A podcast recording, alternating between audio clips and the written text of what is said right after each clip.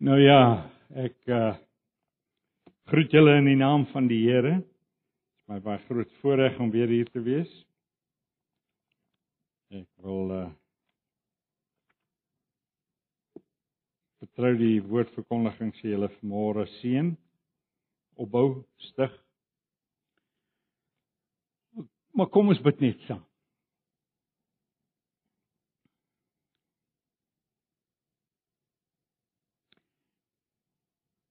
Here ons God, dit is nooit 'n geringe saak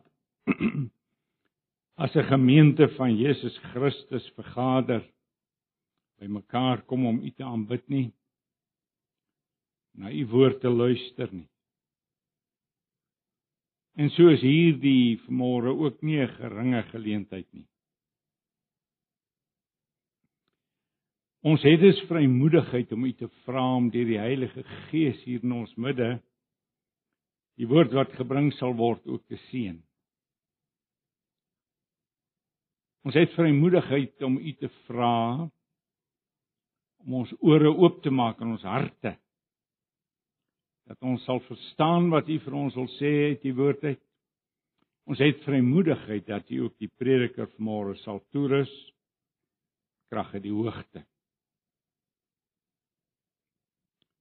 Ons dankie Here vir hierdie voorreg Dankie dat ons kan aanbid sonder enige vrees vir vervolging.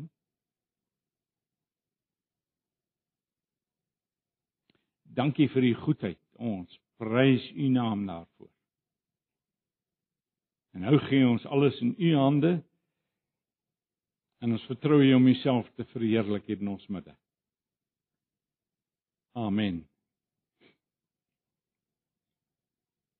Ek gaan ons gedeelte lees uit Lukas, julle kan so intoe blaai as julle wil, Lukas 23.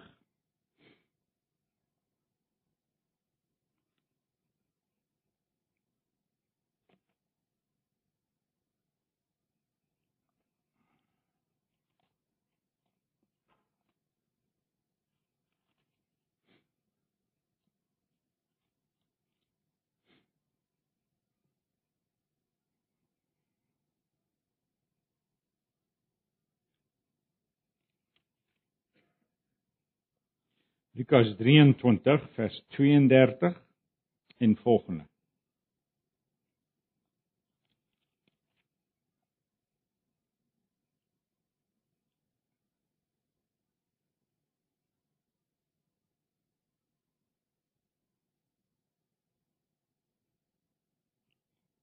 Ek lees vir ons die ou vertaling. vers 32 en daar is nog twee ander kwaaddoeners weggelei om saam met hom tereggestel te word. En toe op die plek kom wat hoofskedel genoem word, het hom daar gekruisig en die kwaaddoeners een aan die regterhand en een aan die linkerkant. En Jesus sê: Vader, vergeef hulle want hulle weet nie wat hulle doen nie en hulle het sy klere verdeel en die lot daaroor gewerp. En die volke het staan en aanskou. Die owerstes het saam met hulle ook geskimp en gesê: "Ander het hy verlos, laat hy homself verlos as hy die Christus, die uitverkorene van God is." En die soldate het hom ook bespot en gekom en vir hom asyn gebring en gesê: "As u die koning van die Jode is, verlos u self." Nou was ook 'n opskrif bokant hom geskrywe in Grieks en Romeins en Hebreëse letters.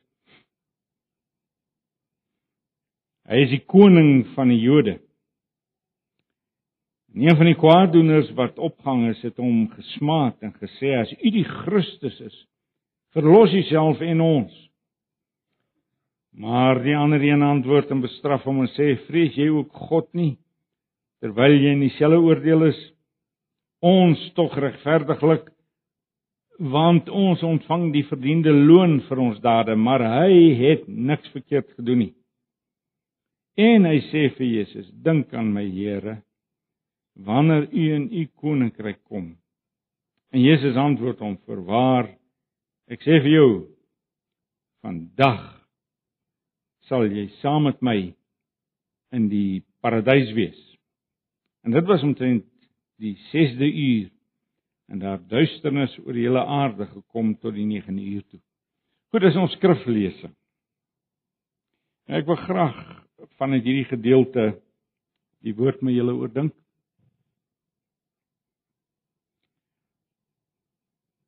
Ek dink nie as een van ons wat nie al gepeins het oor wat na die dood gaan gebeur nie. Dan wonder ons daaroor wat gebeur met ons die minute nadat ons gesterf het.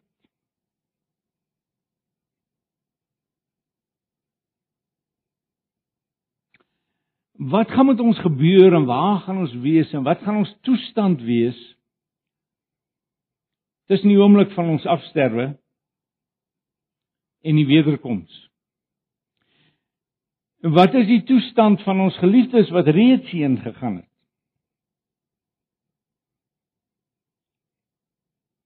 Is daar 'n bewustelike bestaan ja of nee? Vra vra sonder ophou. So dit gaan baie dikwels in ons bepeinsing oor die sogenaamde tussentoestand.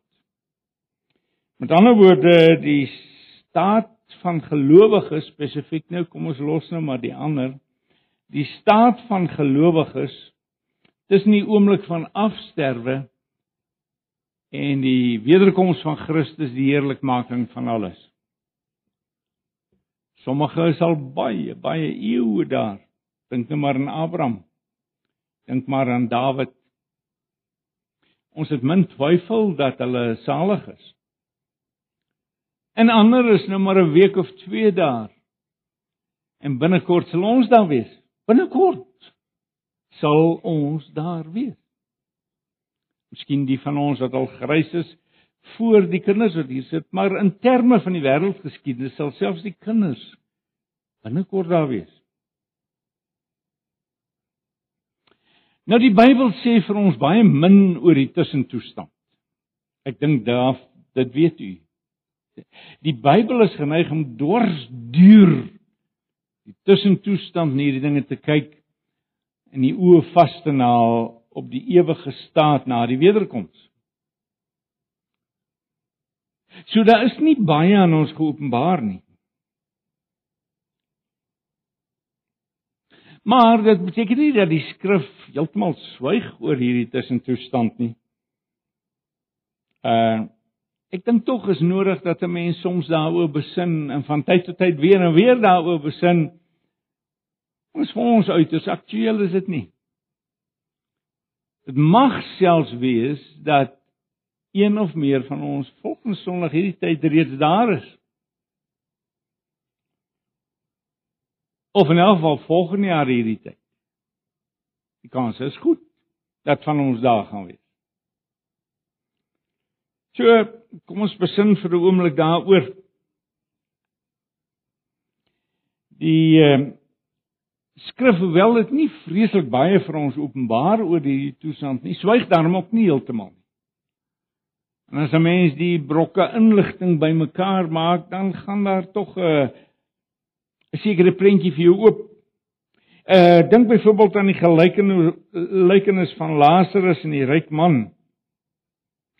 Maar is natuurlik so dat 'n mens nie te veel moet maak van 'n gelykenis wat hierdie soort van besonderhede betref nie. Uh want 'n gelykenis was net 'n verhaal wat Jesus vertel het. Ek dink tog daarom dat die verhale wat hy vertel het, het rekening gehou met die werklikheid. Uh so ek is geneig om dit daarom nie te ignoreer nie. Maar dis dalk wysheid om nou nie te veel af te lei daarvan nie. Ek sou dus sê die beste is om behoorlik te kyk na 'n teksgedeelte soos die wat ons sopas gelees het, want daar gee die Here spesifieke inligting. En om te kyk na die gesprek van Jesus met die misdadiger in die kruis. Kom ons besin net vir 'n oomblik oor dit wat daar gebeur het. Die gebeure daar op Golgotha. Dis algemeen bekend, ek glo almal van ons het dit geweet dat die Here Jesus nie alleen gekruisig is nie, hy is saam met twee misdadigers gekruisig. Tussen die twee. Tussen die twee. Uh, trouens al die evangelies vertel ons daarvan, né? Nou aanvanklik het beide van hulle hom beledig. Maar spoedig het een van hulle sy gesindheid radikaal omgeswaai. Ons het daarvan gelees nou. Dis as hy as hy skielik besef dat hy besig is met sy laaste ure hier op aarde en dat hy by drempel van die ewigheid staan, dan dan kom hy tot besinning en dan pleit hy by Jesus om aan hom te dink as hy in sy koninkryk ingaan. Jy sien in sy agterkop het hy dus geweet Jesus is die Messias. Het waarskynlik lankal geweet. Maar soos nou maar gaan as 'n mens wil inwees by die boeis, dan praat jy saam met die boeis en dan moet hy ook gespot saam met die ander man. En dan sê Jesus vir hom: Ek verseker jou, vandag vandag sal jy saam met my in die paradys wees. Lukas 23. Is eintlik 'n merkwaardige versekering, né? wat hy kry. Troostryk. Nou, ek dink ons moet verstaan dat hierdie versekering nie die geprewel is van 'n sterwende man nie. Jesus weet presies wat hy sê. En hy bedoel dit, né? En daarom gaan sy uitspraak vooraf met die woordjie voorwaar. Die woordjie in die oorspronklike taal is amen. Dit beteken voorwaar, voorwaar. Dis gewis so.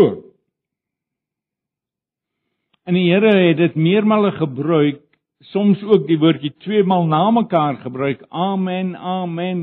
Dit sê ek vir jou wat die geval mag wees as hy iets baie baie sterk wil beklemtoon as die volle gewig van sy goddelike gesag agter so 'n stelling is.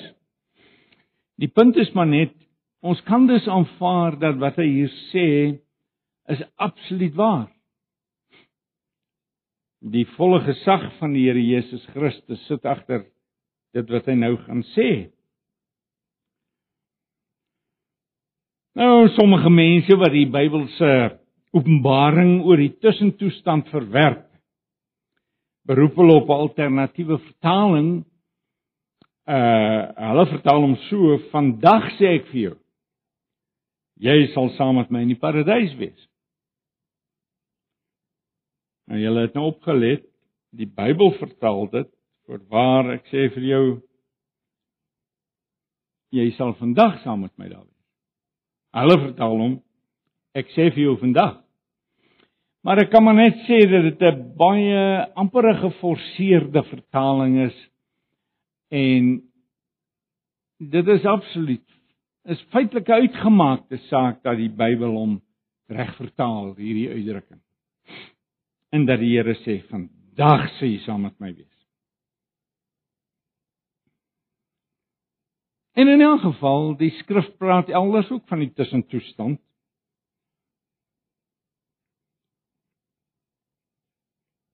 Hoe dit ook al sê. Dis seker nie onmoontlik om die Grieks so te vertolk nie. Maar kom ons bly maar by die Bybelse vertaling want dit is verseker taalkundig waarskynlik die korrekte vertaling.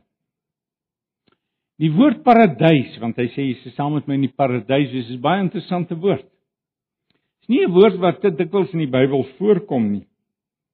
Dis 'n Persiese woord destyds gewees 'n Persiese woord wat gedui het om 'n op 'n ommuurde tuin of 'n park wat ommuur is. Nou, uh, hoewel die Hebreëse teks van die Ou Testament dit glad nie gebruik nie. Dis interessant, né? Ek het altyd gedink dis 'n woord wat baie meer algemeen in die Bybel voorkom, maar dit is nie so nie. Maar die Septuaginta, die Griekse vertaling van die Ou Testament, gebruik wel die woord. En dit gebruik byvoorbeeld die woord sit van die tuin van Eden praat. Ja, waar Adam en Eva gebly het. Hy noem dit dan die paradys. Maar afgesien van ons teks gebruik die Nuwe Testament die woord nog twee keer, net twee keer. Paulus se opraping na die paradys. Ek weet van 'n man, onthou julle? 2 Korintiërs 12 en dan gebruik hy dit waar die belofte aan die oorwinnaars in Openbaring 2 vers 7 gegee word dat hulle eendag van die boom van die lewe in die paradys sal eet. As ons kyk na 'n verdere uitdrukking daar, die woorde saam met my sê die Here. Dis wonderlik vertroostend en en en aanmoedigend. Lê in die hart van ons salige hoop. Herinner ons dadelik aan die Here Jesus se woorde tydens sy hoëpriesterlike gebed: Vader, Ek wil dit waar ek is, hulle wat U my gegee het, ook saam met my sal wees. En hier sê dit ook, julle sal saam met my wees. Nou uh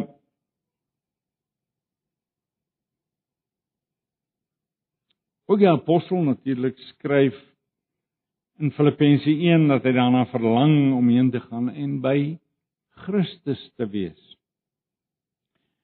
En ek dink ons kan aanvaar dat die Bybel ons baie duidelik leer dat as ons sterf, gaan ons heen na Christus toe. Dis 'n geweldige gedagte eintlik. Binnekort is die hele klomp van ons by Christus. By hom.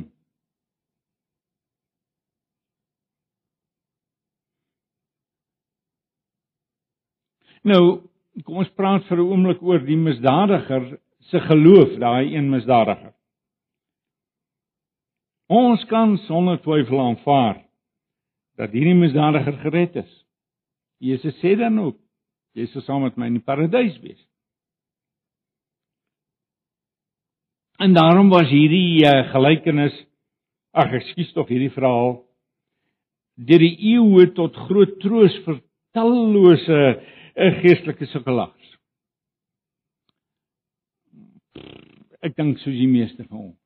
Wil nie beledig nie, maar is verseker vir my tot baie groot troos. Ek weet nie van julle nie, maar hoe ouer ek word, hoe meer is ek 'n geestelike bedelaar. Dit net so, ek weet net. Die Here genade op genade is al wat ek op staat kan maak.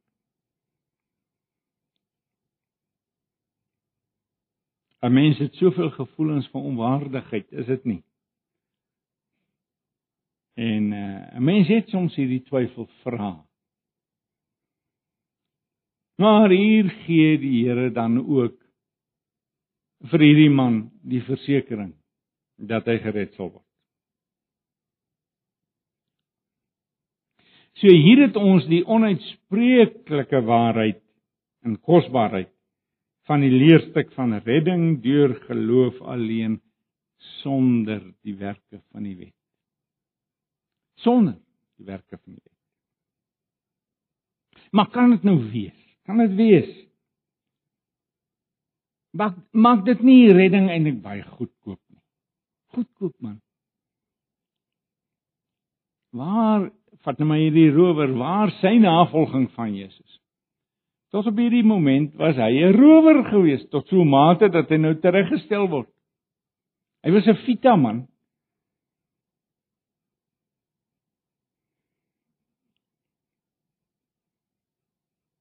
Waar is sy navolging van Jesus? Daar's geen sprake van in sy lewe nie. Sy heiligmaking, gehoorsaamheid. Nul. Nul is dit nie so nie. Kom nie dalk net hier nou skielik met mooi praatjies om te kyk of hy dalk gered kan word nie? Het jy ooit ware geloof gehad? Is dit nie maar sommer net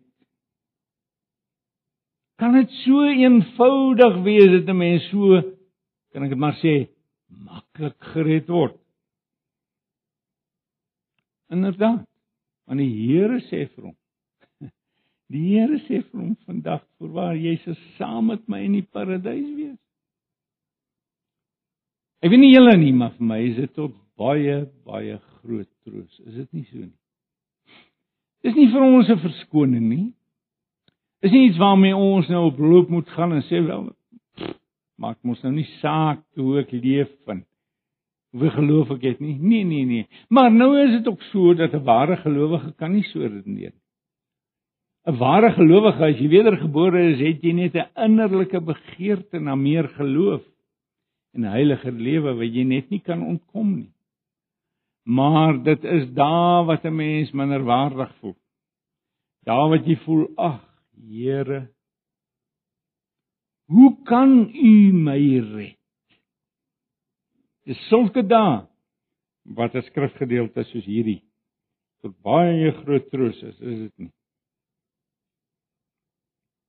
Kom ons kyk net 'n bietjie na sy geloof, want hy het ware geloof gehad, hoor. Hy het ware geloof gehad. Wel nommer 1, hy glo dat daar 'n God is. En dat daar 'n bewuslike lewe na die dood is. Dis waarom hy met sy vriende aan praat en sê wag, wag, wag, wag, wag.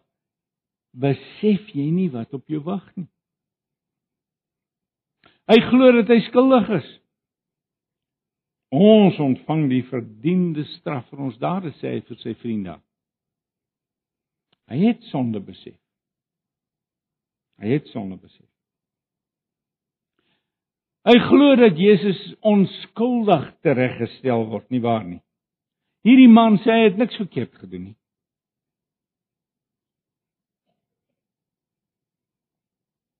So oortuig is hy daarvan dat dat hy selfs in sy toestand van verskriklike pyn vir die Here Jesus opkom. Verder hy glo dat hy en sy vriend gaan verantwoording doen voor God. Vrees jy ook God nie? Nog meer. Hy glo dat die Here Jesus in die hemel die koning gaan wees. En daarom sê hy wanneer u u koninkryk en so meer. Nog meer. Hy glo dat Jesus iets vir hom in sy situasie kan doen. Ag Here, dink aan my. Hy glo dit is die antwoord as Jesus in hom dink. Hy vertrou die Here daarvoor met sy hele hart. Jy kan dit sien, daar was daar was geloof in hierdie man. Miskien nie baie groot geloof nie. Het nou nie eintlik 'n graad in teologie gehad nie. Maar hy het die nodige gehad.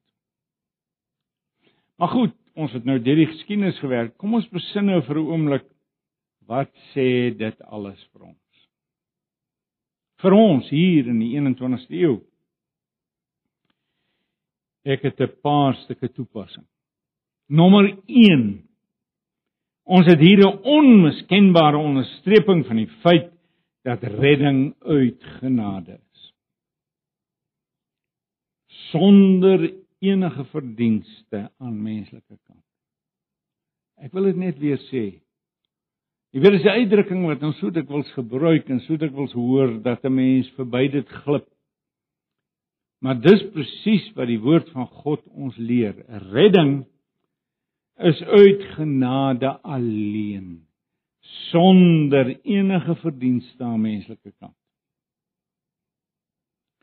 Ek dink julle moet met my saamstem, minder verdienste as wat as wat hierdie man gehad het, kan jy beswaarlik indink. Daar was geen disipelskap in sy lewe nie. Geen heiligmaking nie beswaarlik enige kennis. Veel eerder was die teendeel waar nie waar nie. Dink vir 'n oomblik oor sy lewe. Ouerlike lyding en pleidooie het hy in die wind geslaan. Dis hoekom hy nou 'n misdadiger is. Die kniehalters enerzijds in die voorskrifte anderzijds van 'n godsdienstige opvoeding het hy met minagting verwerk. Aan die lesse van die lewe het hy hom nie gesteur nie en die aanmanings van sy gewete het hy met sy voete vertrap. Sy hele lewe lank tot op hierdie punt. En dit is maar 'n kwessie van minute wat hy omkeer en dan sê die Here voorwaar, jy sal saam met my in die paradys wees. Ek sê weer, hierdie is nie vir ons gegee dat ons nou maar kan slap raak in ons disippelskap en ons toewyding. Maar ek wil vir jou sê as jy waarlik gered is, kan jy nie slap raak nie. En wat bepaal die egtheid van sy geloof? Wel basiese kennis en oortuiging. Kennis is een saak, maar daar is ook 'n oortuiging. Erns en opregtheid. Hy is besig om te sterf. Nou as 'n man besig is om te sterf, het hy nie tyd vir grappies nie. Hulpeloosheid en afhanklikheid. Algehele en totale vertroue. Dit bepaal die egtheid van sy belydenis hier. Nou, die feit dat sommige hierdie geloof het en ander nie, kan nie bloot aan sommige mense se wysheid, insig of vroomheid toegeskryf word nie. Dit staan soos 'n paal bo water, vriende. Nee, sy geloof kan niks anders wees nie as 'n gawe wat die Heilige Gees aan sommige mense gee en ander nie. Dis net eenvoudig so. Sommige het gesien hoe Jesus dooies opwek en tog nie geglo nie. Die rower het gesien hoe hy sterf en geglo.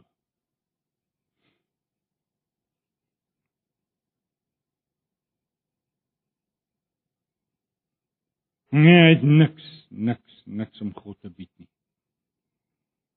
Net geloof. Van dienste nie. Net 'n vasgryp van Christus. Dis al wat dit is.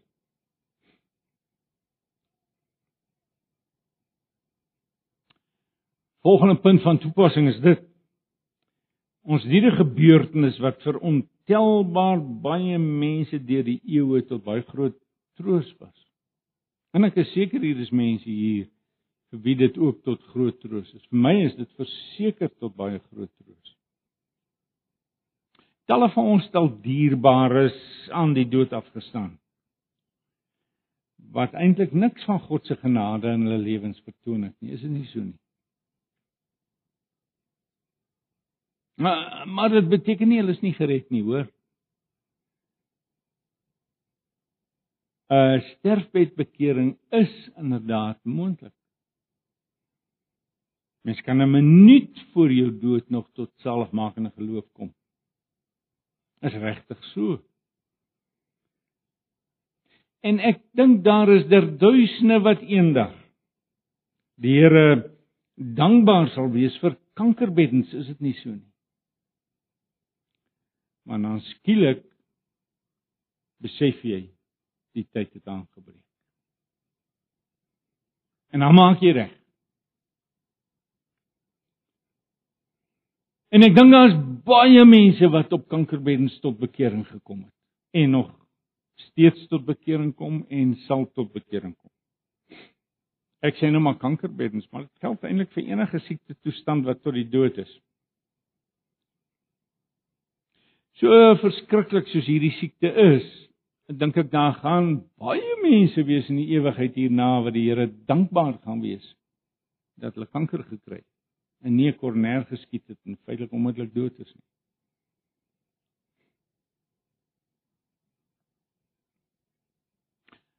Maar is natuurlik belangrik. Ek wil dit net weer sê. Ons mag nie hierop staat maak nie baie mense sal dalk staat maak op 'n kankerbed en dan sal ek regmaak maar dan sterf hy in 'n motorongeluk feitelik onmiddellik. soos al dikwels gesê is, uh een is gered sodat niemand hoef te wanhoop nie, maar net een. Sodat niemand aanmatigend dur wees nie. Dis nie die dis nie die tipiese nie, maar dit is die moontlike. Dis lot van rekening, daar was nog 'n rower. Nog 'n rower. En hy het nie bekeringsgenade ontvang nie. Hy het sonder God en sonder hoop gesterf. Dis die indruk wat 'n mens kry as jy dit lees hier. Volgende punt van toepassing. Selfs al sou die res van die skrif oor 'n tussentoestand geswyg het. Wat natuurlik nie die geval is nie. Sou hierdie gebeurtenis ons gedwing het om dit as 'n feit te aanvaar dat daar wel 'n tussentoestand is. Dis onmoontlik om die Here Jesus se versekering dat die rower nog op daardie selfde kruisigingsdag saam met hom in die paradys sal wees om dit op enige ander manier te verstaan. Is dit nie so nie? Vandag sal jy saam met my in die paradys wees. En dit is eeue voor die opstanding. Die opstanding het tot vandag toe nie plaasgevind nie. Natuurlik hoe ons tydsverloop in die hiernamaals in die tussentoestand gaan beleef is nie vir ons 100% duidelik nie. Sommige mense reken dit sal 'n A-tydse bestaan wees. Maar dit is onwaarskynlik. Dink maar aan die martelare in die hemelse vraag: Hoe lank nog? Hoe lank nog, Here? Gaan nie tel nie. Of uh die aardbewoners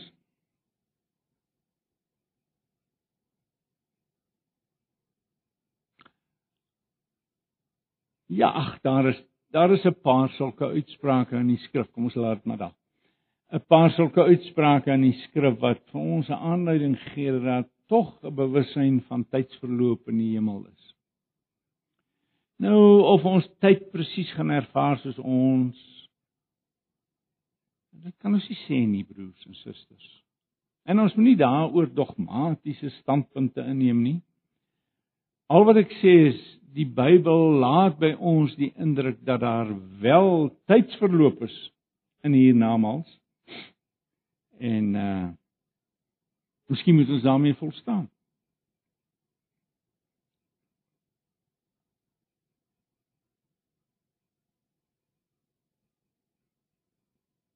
Onthou julle vir Moses en, en Elia op die berg van verheerliking. En daar is ook sinspelings op tydsverloop. Maar ek wil nie meer hieroor sê nie. 'n Volgende punt van toepassing. Hoe duidelik sien ons nie die feit en die aard van die Here Jesus se koningskap in hierdie gebeurtenis nie feit en die aard van sy koningskap. Selfs in hierdie oomblikke van sy swakheid. Nooit was hy meer swak as ek dit sou kan uitdruk. Kan die Here Jesus met absolute en koninklike gesag hierdie misdadiger verseker van die ewige lewe?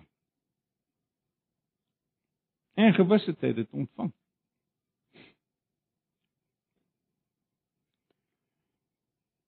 Dan kom daar nog twee eienskappe van die Here Jesus se koningskap na vore. Enerzijds, eerstens is sy regering 'n liefdesregering. Ek dink julle is saamstem die misdadiger verdien om daar te hang.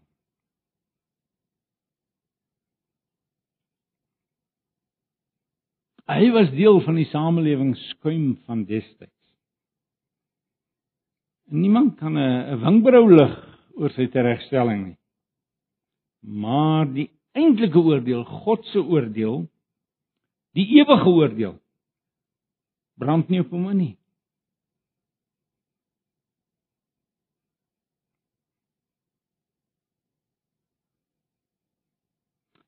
Hierdie oordeel brand in op die man langs hom.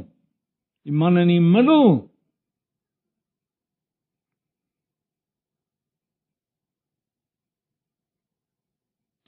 So omdat hierdie man in die middel homself in sy liefde gegee het as die strafdraande plaasvervanger vir sondaars wat gered sal word.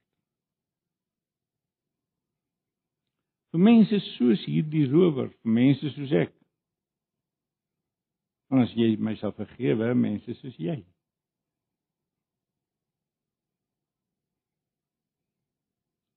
Tweedens. Sy regering is nie net 'n liefdesregering nie, maar is ook 'n 'n regering van geregtigheid. En sekerlik sou uh in die Here hierdie rower gewoon net kon oorsien nie waar nie. Hy sou kon sê ag, nou ja, right man. Kom jy saam met my? Ek bedoel oorgie in daardie sin, oorsien in daardie sin. Maar maar dis nie wat gebeur nie. Mm. -mm. Hy's mos God. Hy hy hy sou dit kon doen. Maar dit is verkeerd. Dit sou verkeerd wees. Nee nee, hy doen dit nie so nie. Hy het hom eintlik minder as God gemaak het, meer soos 'n mens. Want u sien dit sou sy geregtigheid geweld aandoen. Nee nee nee, die Bybel leer ons daar is nie 'n enkele sonde wat nie aan Christus gestraf is nie. God sien nie maar sommer net ons sondes oor nie. Hy straf elke sonde. Sy geregtigheid vereis dit. En daarom as jy vanmôre gesondig het, daardie sonde, my vriend, sal aan Christus gestraf word of van jou. Maar elke sonde word gestraf.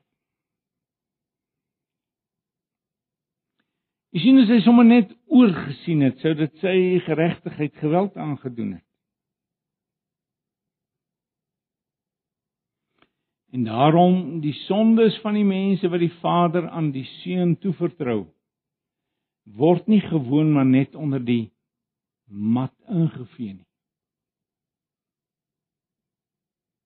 Op 'n tyd in my lewe wat ek so gedink het. Miskien jy ook. Nee nee nee nee. Elke sonde word gestraf of is gestraf aan die Here Jesus wat die uitverkorenes betref. Hy moes vir elke een verzoening doen. En presies dit is wat hier gebeur ook weer. Hier kom dit tot uitdrukking.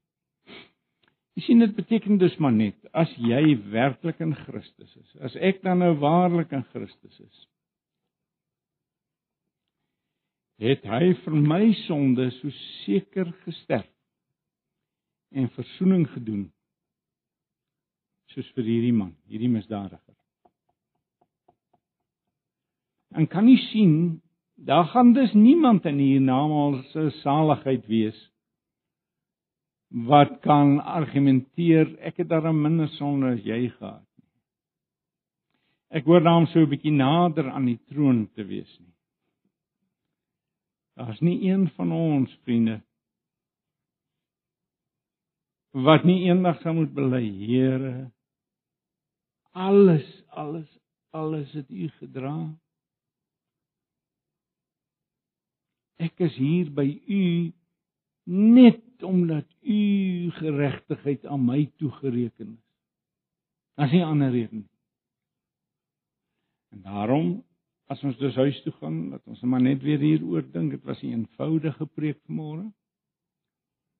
Maar laat ons hieroor gaan dink en besin en gevul word met dankbaarheid. Mag die Here u seën. Amen. Kom ons bid saam.